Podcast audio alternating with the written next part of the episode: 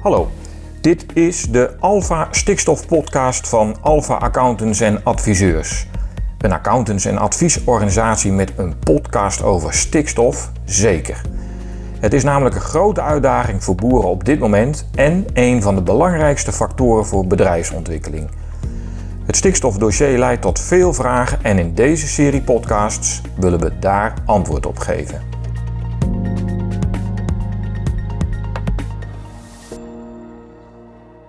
Beste mensen, fijn dat jullie luisteren naar inmiddels alweer de vierde Alpha Stikstof Podcast. En deze keer ga ik op bezoek bij Jeroen Groot, melkverhouder in Aarlanderveen. En om de stikstofuitstoot te verlagen op zijn bedrijf met 120 koeien, heeft hij de stikstofkraker Gazoo van JOZ aangeschaft. Hij is daarmee een van de vijf boeren in Nederland waar de installatie draait. Ik rij nu over een smal dijkje. Het is een prachtige winterochtend. Het dijkje is glad, dus ik rij voorzichtig. Rechts van mij een vaart zoals je die veel ziet hier in de omgeving van Aarlandenveen. Dan draai ik nu eens een erf op. Ik zie een serrestal. De gordijnen aan de zijkant zijn vanzelfsprekend, want het is 0 graden zie ik.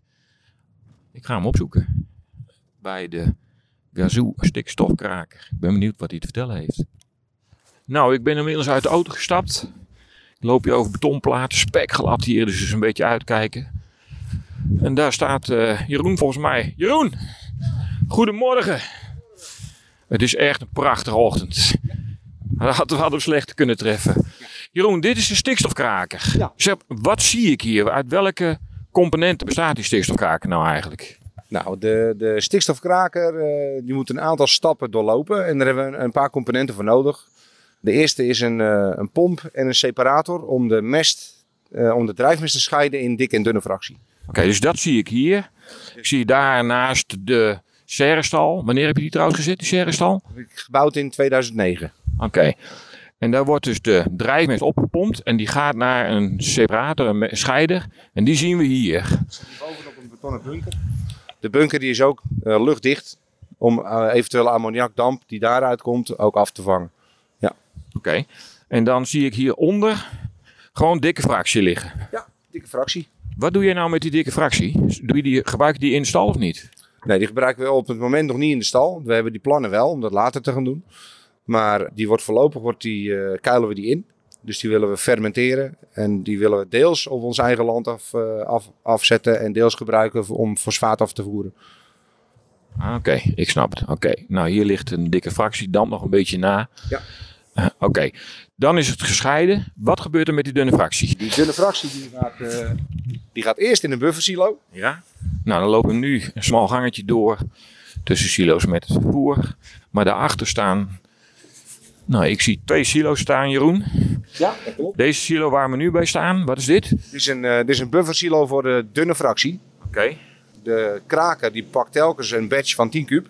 Dus je hebt een buffersilo nodig, zodat hij altijd die 10 kub eh, kan pakken. Oké. Als die, als, als die eruit gehaald is, dan wordt automatisch weer de pomp en de separator aangeschakeld. Zodat de buffersilo weer, weer wordt gevuld, zodat de kraker weer overnieuw kan pakken. Als er weer een nieuw batch nodig is. Oké.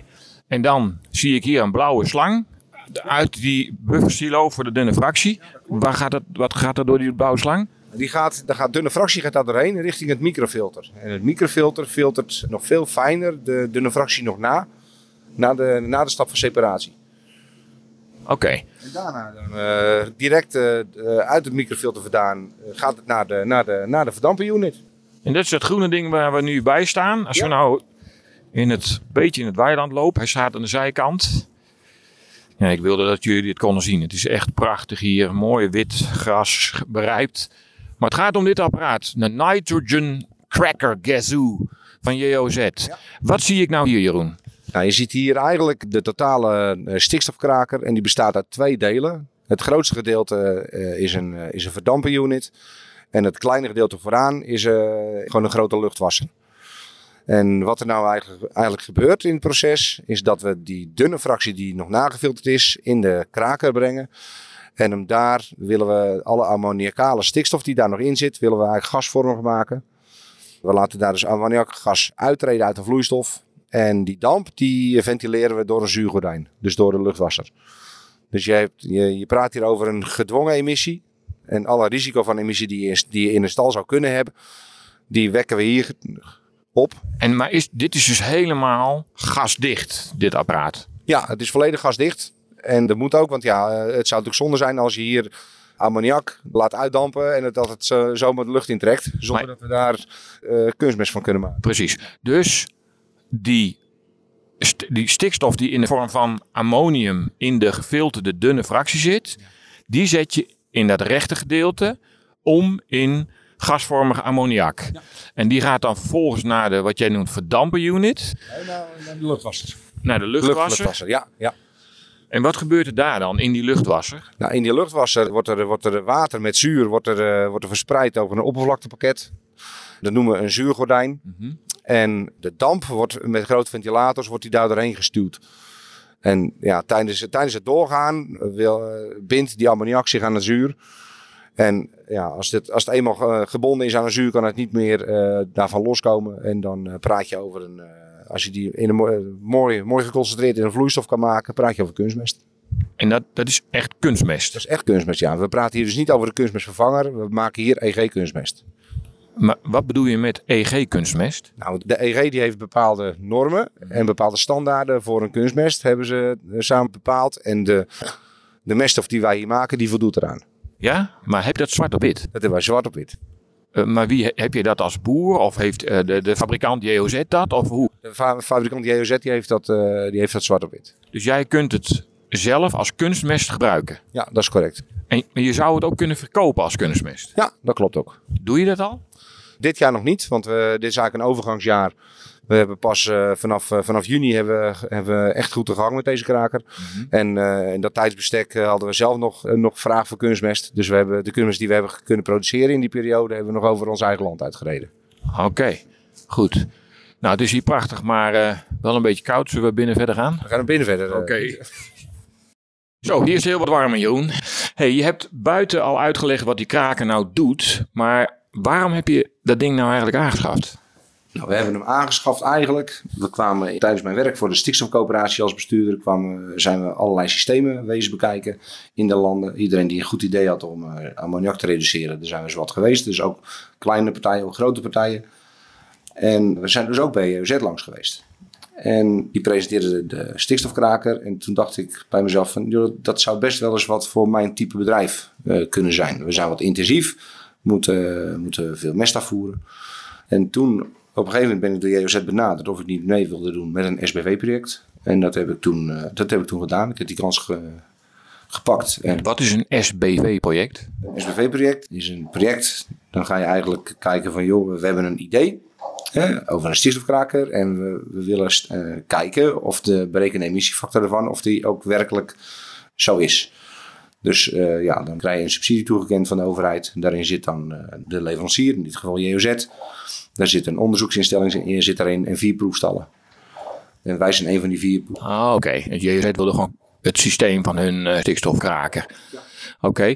Maar wat zijn nou de redenen waarom je eh, dat ding hebt aangeschaft? Is het alleen vanwege je werk voor de stikstofcoöperatie? Wat is trouwens die stikstofcoöperatie? Even een paar woorden. Nou, de stikstofcoöperatie Boeren met Perspectief is een coöperatie die is opgericht door eh, zeven bestuursleden. En eh, met als doel bovenwettelijk te gaan reduceren door innovatie en door managementmaatregelen. En die vrijgespeelde stikstofruimte te kunnen verliezen aan, aan vragende partijen. Zoals het havenbedrijf, Schiphol, Bouwend Nederland enzovoort. Oké, nou die stikstofcoöperatie gaan we in een aparte podcast, eh, gaan we daar dieper op in. Maar wat zijn nou de redenen waarom je deze stikstofkraker hebt gekocht? Is dat alleen maar vanwege die stikstofcoöperatie? Nee, nee, ook vanwege de, eh, onze meststoffenbalans die we op een andere manier eh, kloppend kunnen krijgen. Voorheen ging dat alleen via drijfmest in de vorm zoals drijfmest is. Hè? Dus met tankwagens werd hier zeg maar 3000 kub mest werd erop gehaald. Eh, nu gebeurt het anders. De fosfaat die voeren we af via de dikke fractie. Nou, daar gaat ook een deel stikstof dan mee mee. En het ontbrekende deel stikstof voeren we af door middel van verkoop van kunstmest. Dus reden 1 is stikstofruimte vrijspelen, zodat je die via de stikstofcoöperatie kunt verliezen. Nou, daar gaan we straks wel even iets dieper op in. Twee is, je noemt het verdienmodel meststoffenbalans. Is er nog een andere reden? Nou, een, een reden die uh, vandaag actueel is, maar toen we hem aanschaften nog niet. Maar ik had wel een doorrekening gedaan van stel nou dat de derogatie weg zou vallen. Wat betekent, uh, denk die stikstofkraker dan voor mij? Uh, nou, die betekent hier dat er voor mijn bedrijf eigenlijk niet zo heel veel verandert. Niet? Nee, want wij kunnen zelf de, de scheidslijn tussen dierlijke mest en stikstof bepalen en, en kunstmest bepalen. Dat moet je me even uitleggen. We kunnen zelf de scheidslijn tussen dierlijke mest en kunstmest bepalen. Nou ja, wij kunnen natuurlijk een deel van onze stikstof kunnen wij via de kraker van dierlijke stikstof kunnen wij omzetten naar EG kunstmest. Ah, ja. dat, is, dat is de. Wat je net buiten vertelde. Hè? Het is EG-waardige kunstmest. Ah, op zo'n manier. Oké. Zeg, hoeveel stikstofruimte creëer je nou met die uh, stikstofkaker? Nou, in, in, in ons geval, als we uitgaan van de berekende emissiewaarde die het ILVO heeft berekend voor JOZ, komen we hier op, vier, op uh, zakken we 8 kilo per koe. Dus dan, hier valt 1200 kilo ammoniak valt vrij in de vergunning. Oké, en, en die, dat, die wil je dus gaan verliezen. Wat bedoel je daar nou mee? Hoe, hoe, hoe moet ik dat voor me zien, dat verliezen? Dat verliezen moet je zo voor je zien.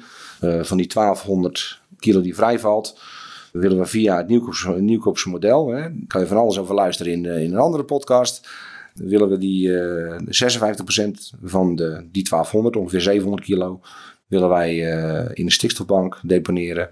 En nou ja, dan kunnen, kunnen andere bedrijven die bijvoorbeeld een ontwikkeling willen doen of een transitie willen maken en daarvoor stikstofruimte nodig hebben om die verandering te kunnen bewerkstelligen. Hè. Je moet een vergunning hebben voor een, voor een verandering dan kunnen ze die bij ons ja, tijdelijk huren. Oké. Verhuur jij nu al, hè? dus verlies jij nu al die stikstofruimte? Nee, dat is nog niet aan de orde. Waar loopt het nu dan nog op vast?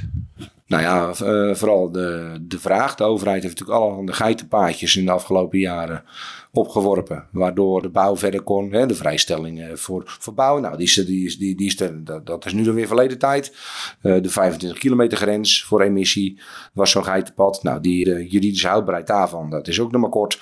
Hè, dat gaat niet meer zo lang duren. Dus heel Nederland gaat door het wegvallen van die geitenpaadjes, gaat totaal op slot de vergunningverlening. En uh, ik denk dat, het, dat, dat, het, dat die vraag dan vanzelf beter moet worden.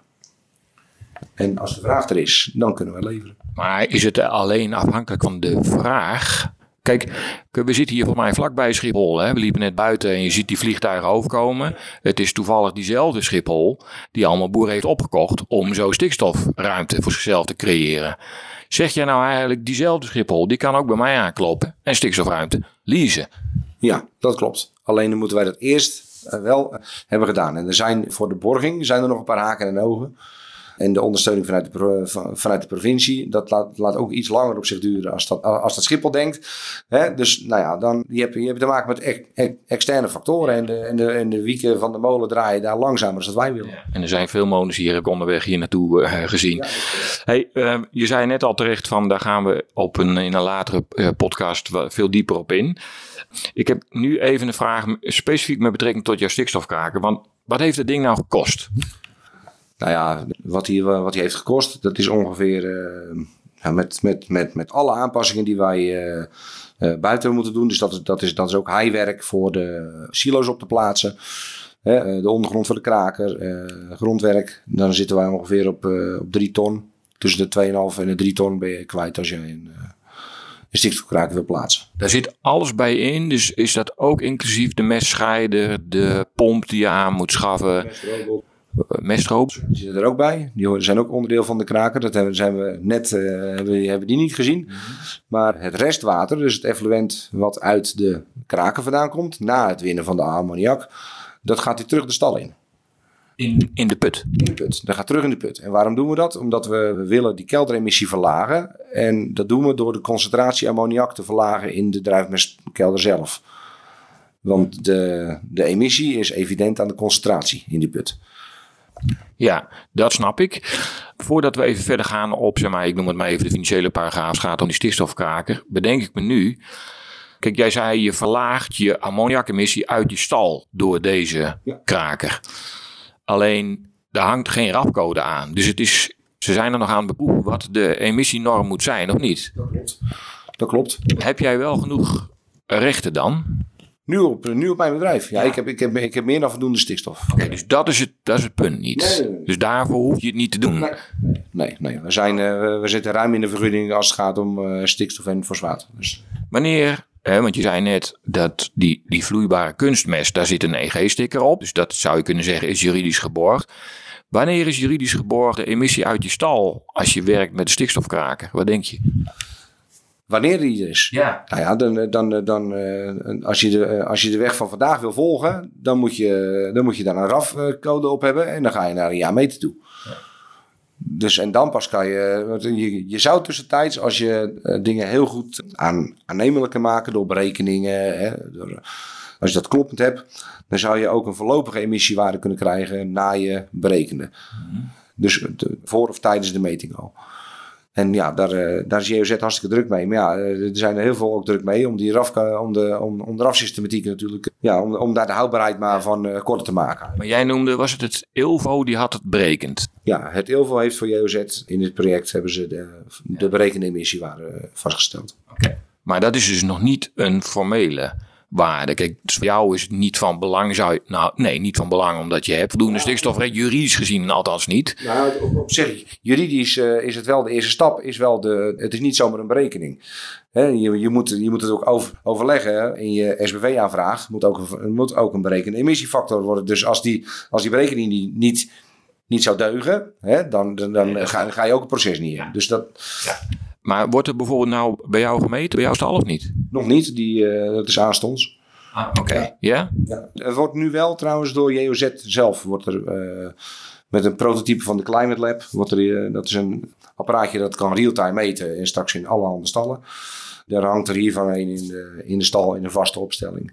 Dus er wordt, er wordt hier wel onder, ondertussen door JOZ zelf, wordt, eh, wordt hier al eh, geruime tijd wordt hier al ge- gemeten. Ja. Drie ton kost die kraken je. Wat is de terugverdientijd? De terugverdientijd die is, op, eh, die is op mijn bedrijf. eh, zonder de SBW-subsidie zou die op zeven jaar uitkomen. Oké. Oké. Past die gazoo nou, hoe spreek je trouwens uit? Gazoo of gazoo? Of hoe spreek jij het uit? Zo zeg ik dat. Gazoo, oké, heel goed. Past die op elk eh, melkveebedrijf of heb je een minimale bedrijfsomvang nodig of zo? Nou, op zich gaat het niet zo erg om de omvang. Vaak hoor je dat van ja, maar nu, je moet minimaal zoveel koeien hebben daarvoor. Ik denk dat, je, dat, de, dat de terugverdientijd veel meer wordt bepaald door, de, door je intensiteit. Dus eh, hoe, hoe, hoe, hoe meer mest jij moet afvoeren, des te, des te sneller die interessant wordt. Heb jij nou een rendementsberekening gemaakt? En op basis van welke uitgangspunten dan? Kijk, je noemde net de terugverdientijd is zeven jaar, zei je.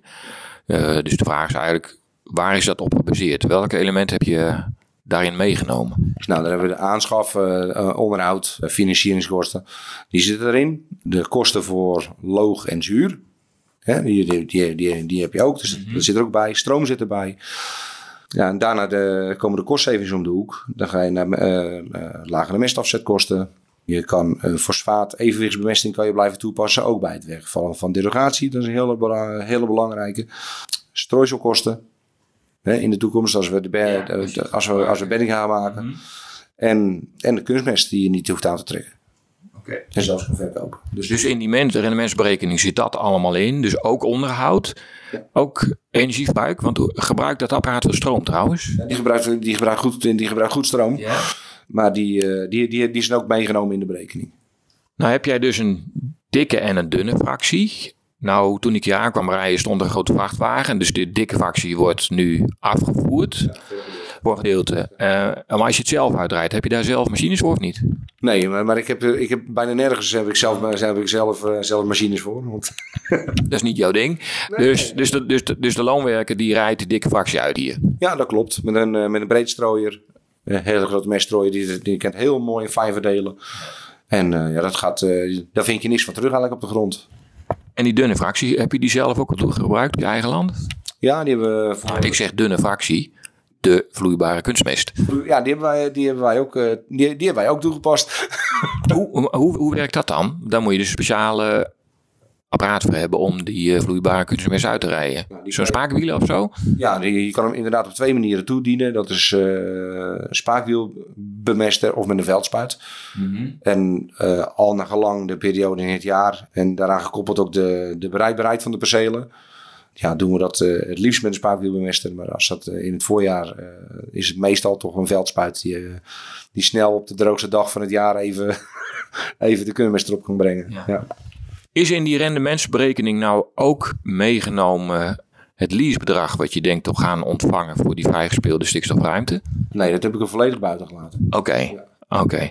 Maar eh, wat zou het kunnen opleveren?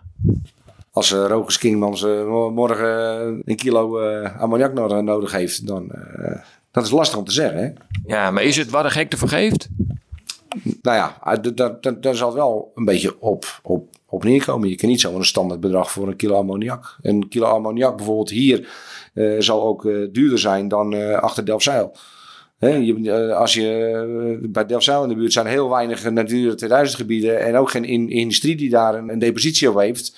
Dus ook geen vraag of een, of een, of een compensatie nodig om, om, een, om een ontwikkeling te kunnen doen. En dat is hier in het, in het, ja, het Westen natuurlijk helemaal overcrowded met industrie. Dus ja, hier, hier is die vraag, zal die vraag, ja, dat is wel aannemelijk dat de vraag is. Ja, ja. Kost die kraken? Nou nee, ik, ik, ik, ik, wacht nog even met deze vraag. Omdat ik toch een soort, eigenlijk een soort richtbedrag zou willen weten. Wat, wat, wat eh, iedereen die luistert, die denkt van nou, hartstikke mooi verhaal dat verliezen. Maar wat zou dat nou op kunnen leveren? We weten allemaal nog melkquotum, dat konden we ook verliezen. En uh, dat was een ding. Nu is er een coöperatie, nogmaals in een aparte podcast gaan we daar dieper op in, maar bezig om om ook stikstofruimte die je niet benut, om die te verliezen. Maar wat kan ik daar nou voor gebeuren? Noem eens een bedrag. Heb je, daar hebben jullie het ongetwijfeld over gehad. Nou, dat zal je verbazen, maar wij hebben het niet over de notering van stikstof. Wij hebben het over het proces voor elkaar krijgen dat het is, maar het kan, kan gaan gebeuren. En uh, wij wachten zo lang mogelijk met een, uh, met een, met een prijs in de, in de lucht gooien. Oké, oké. dus dat wordt de next step is het systeem, uh, zowel technisch als juridisch, allemaal maar eens in de benen. Uh, Oké, helder. Dat is wel Dat lijkt mij ook. Kost die kraakje veel arbeid eigenlijk? Nou ja, eigenlijk, eigenlijk niet. Soms bij, wijze van proef om te kijken of er een ander systeem misschien beter is met die EOZ. Dan heb ik er wel eens wat, moet ik wel eens een hendel over zetten of een knop indrukken. Maar verder moeten dingen volledig op zichzelf kunnen draaien. Ja. ja. Wat was nou het meest spannende in de aanloop naar je uiteindelijke beslissing om uh, die stikstofkraken te kopen? Nou, het, het, het, meest spannende was toch wel de, de meetresultaten. He, van, eh, doet hij doet hij echt wat hij moet doen? Mhm. dat, was het, dat was het meest spannende. Uh, maar, maar, toch, uh, blijkbaar uiteindelijk werkte dat ding, anders had je hem niet gekocht. Ja, maar dat, dat, dat klopt. Dat klopt inderdaad. Er zijn wel meer dingen waarvan je, die je koopt waarvan je een, een verwachting hebt. Maar het moet, het moet allemaal nog wel gebeuren. Ik bedoel, je, je praat niet over een pak suiker. Hè? Dat, is, dat moet wel, het, moet, moet, goed wezen. Dus, uh... Maar wat zorgt ervoor dat je uiteindelijk, hè, je hebt de redenen genoemd waarom je dat apparaat hebt gekocht. Dat is allemaal, je zou kunnen zeggen, vrij rationeel. Maar, de, spannend, dat is de emotionele component. Uiteindelijk moet je de knoop doorhaken. Ben jij iemand die, nou, voorop loopt en nieuwe dingen zou willen uitproberen. Is, zit dat een beetje in jouw aard? Een beetje wel. En als, als ik iets een goed idee vind, dan uh, ga ik er niet over hebben dat ik het maar een goed idee vind. Maar dan, dan zet ik ook wel een stap. Dat, dat is wel mijn eigenschap. Dus ik doe, ik doe het over zo'n beslissing niet zo heel lang. Nee. Nee? Oké, en op een gegeven moment geloof je erin en dan ga je de stap zetten. Ja, daarom. En we hebben ook wel, uh, ook wel het vertrouwen in, in de leverancier. Dat ze ook uh, wat, ze, wat ze ons toegezegd en wat ze ons beloofd hebben, dat ze dat ook waarmaken. Daar hebben we ook het volste vertrouwen in. Dat is zeg maar de spanning voor de aankoop. Nou is dat ding hier en sinds, wat zei juni, juli draait hij, dus deze zomer. Wat is nu het meest spannend? Nou, is nou, nou niet zoveel spannends meer aan eigenlijk. Nee? nee, vind ik, vind ik van niet. Maar uh, nou, het, het spannende nu is uh, een beetje het, het, politieke speelveld. Dat is spannend, maar verder aan de kraken niet. Maar uh, aan, de, aan de stap die, die, die je nog nodig hebt, daar, daarin wel. Maar, Ook hier gaan we oh, dieper op in in de volgende podcast. Nou, de eerste ehm, drie Alpha Stikstof podcasts, Jeroen, die gingen vooral over wat we noemen managementmaatregelen aan de voorkant. dus moet je denken aan uw eiwitgehalte, uh, weidegang, levensduur koeien. Draai jij ook aan die managementknoppen? Ja, aan laag eiwitvoer uh, draaien wij ook. Ja, wat moet ik me daarbij voorstellen? Hoe betekent het voor jou in de praktijk dan? Nou, eh, in de, in de praktijk, uh, onze laatste kringloopwijze van de afgelopen uh, vijf jaar zitten we ongeveer op die 150 uur eiwit al. Dus wat in het totaal voor het, voor het bedrijf. Dus dat is, de, dat is eigenlijk al laag. En, en waarom draai je aan die eiwitknop? Is het bewust om je stikstofuitstoot te verlagen? Uh, nee, we draaien aan die eiwitknop omdat dat uh, grote invloed heeft op onze meststoffenbalans. Hè? En uh, als eerder gezegd, het was een van onze grootste, toch een grote kostenpost mest. Dus als je scherpe, scherpe beks draait, dan voer je al laag eiwit en dan hoef je ook minder mest af te voeren. Dus dat was de reden. Vanuit de intensiteit van jouw bedrijf, want je zit op hoeveel kilogram melk per hectare? Ongeveer bijna 40.000 liter. Precies, dus hartstikke intensief. Je noemde het net in het voorgesprek, ik ben een Brabantse boer hier in het westen. Zo een beetje. ja, ja. oké. Dus aan die knop draai jij ook. Nou, een beetje richting het einde van deze podcast, Jeroen. Wat wil jij nou meegeven aan collega-melkveehouders? Ik beschouw jou een beetje als voorloper. Je zegt, ik, op een gegeven moment heb ik een idee. Ik geloof erin. Daar ga ik deze stappen zetten. Dat ben jij. Maar wat zou je mee willen geven aan collega-melkveehouders die ook worstelen met stikstofruimte? Wat zou ik willen meegeven aan de collega's? Nou, om, om vooral echt serieus te onderzoeken wat er allemaal kan. En niet erover, uh, niet, heb het er niet over van uh, het is mijn probleem niet of ik ben de oorzaak niet. Dan neem vooral de modus aan van uh, prima, hè, als mensen vinden dat er een probleem is, dan willen we, dan, dat, dat is goed, wij hebben de oplossing en hij is te koop. Check. Wat, je zei net al, wat het meest spannende eigenlijk nu is, nu de ding eenmaal draait hier, is, is, zeg maar, is de politiek. Wat zou je mee willen geven aan een politiek beleid? Nou, om uh, een keertje echt uh, stappen te zetten na, nadat er twee ministers en twee moties zijn aangenomen om het nieuwe model op gang te helpen. En uh, wij nog steeds niet gebeld zijn door ambtenaren. Dus vooral het ambtenarenapparaat, dat moet wakker geschud worden en die moet, moeten met ons aan tafel. De minister is nog niet zo sterk geweest om te zeggen tegen zijn ambtenaren van gaat het vandaag doen. Nou, wie weet na deze podcast, Jeroen, uh, gaat hij bellen. Nou Jeroen, we zijn een enorm stuk wijzer geworden over de mogelijkheid om naast het nemen van managementmaatregelen, waarvan je net zei, dat doe ik ook. Ook via een techniek als stikstofkraken de stikstofuitstoot op je bedrijf te verlagen. Super bedankt voor je heldere uitleg. En als eerder gezegd ben je benieuwd naar de stikstofcoöperatie, waar Jeroen ook deel van uitmaakt, beluister dan vooral de podcast die we daarover hebben gemaakt. Fijn dat je hebt geluisterd naar deze aflevering van de Alpha Stikstof Podcast. Alle afleveringen zijn terug te vinden op www.alpha.nl/stikstof. Heb je nou vragen, opmerkingen of misschien zelfs een suggestie voor deze podcastserie? Mail dan naar www.ecomagazine.nl.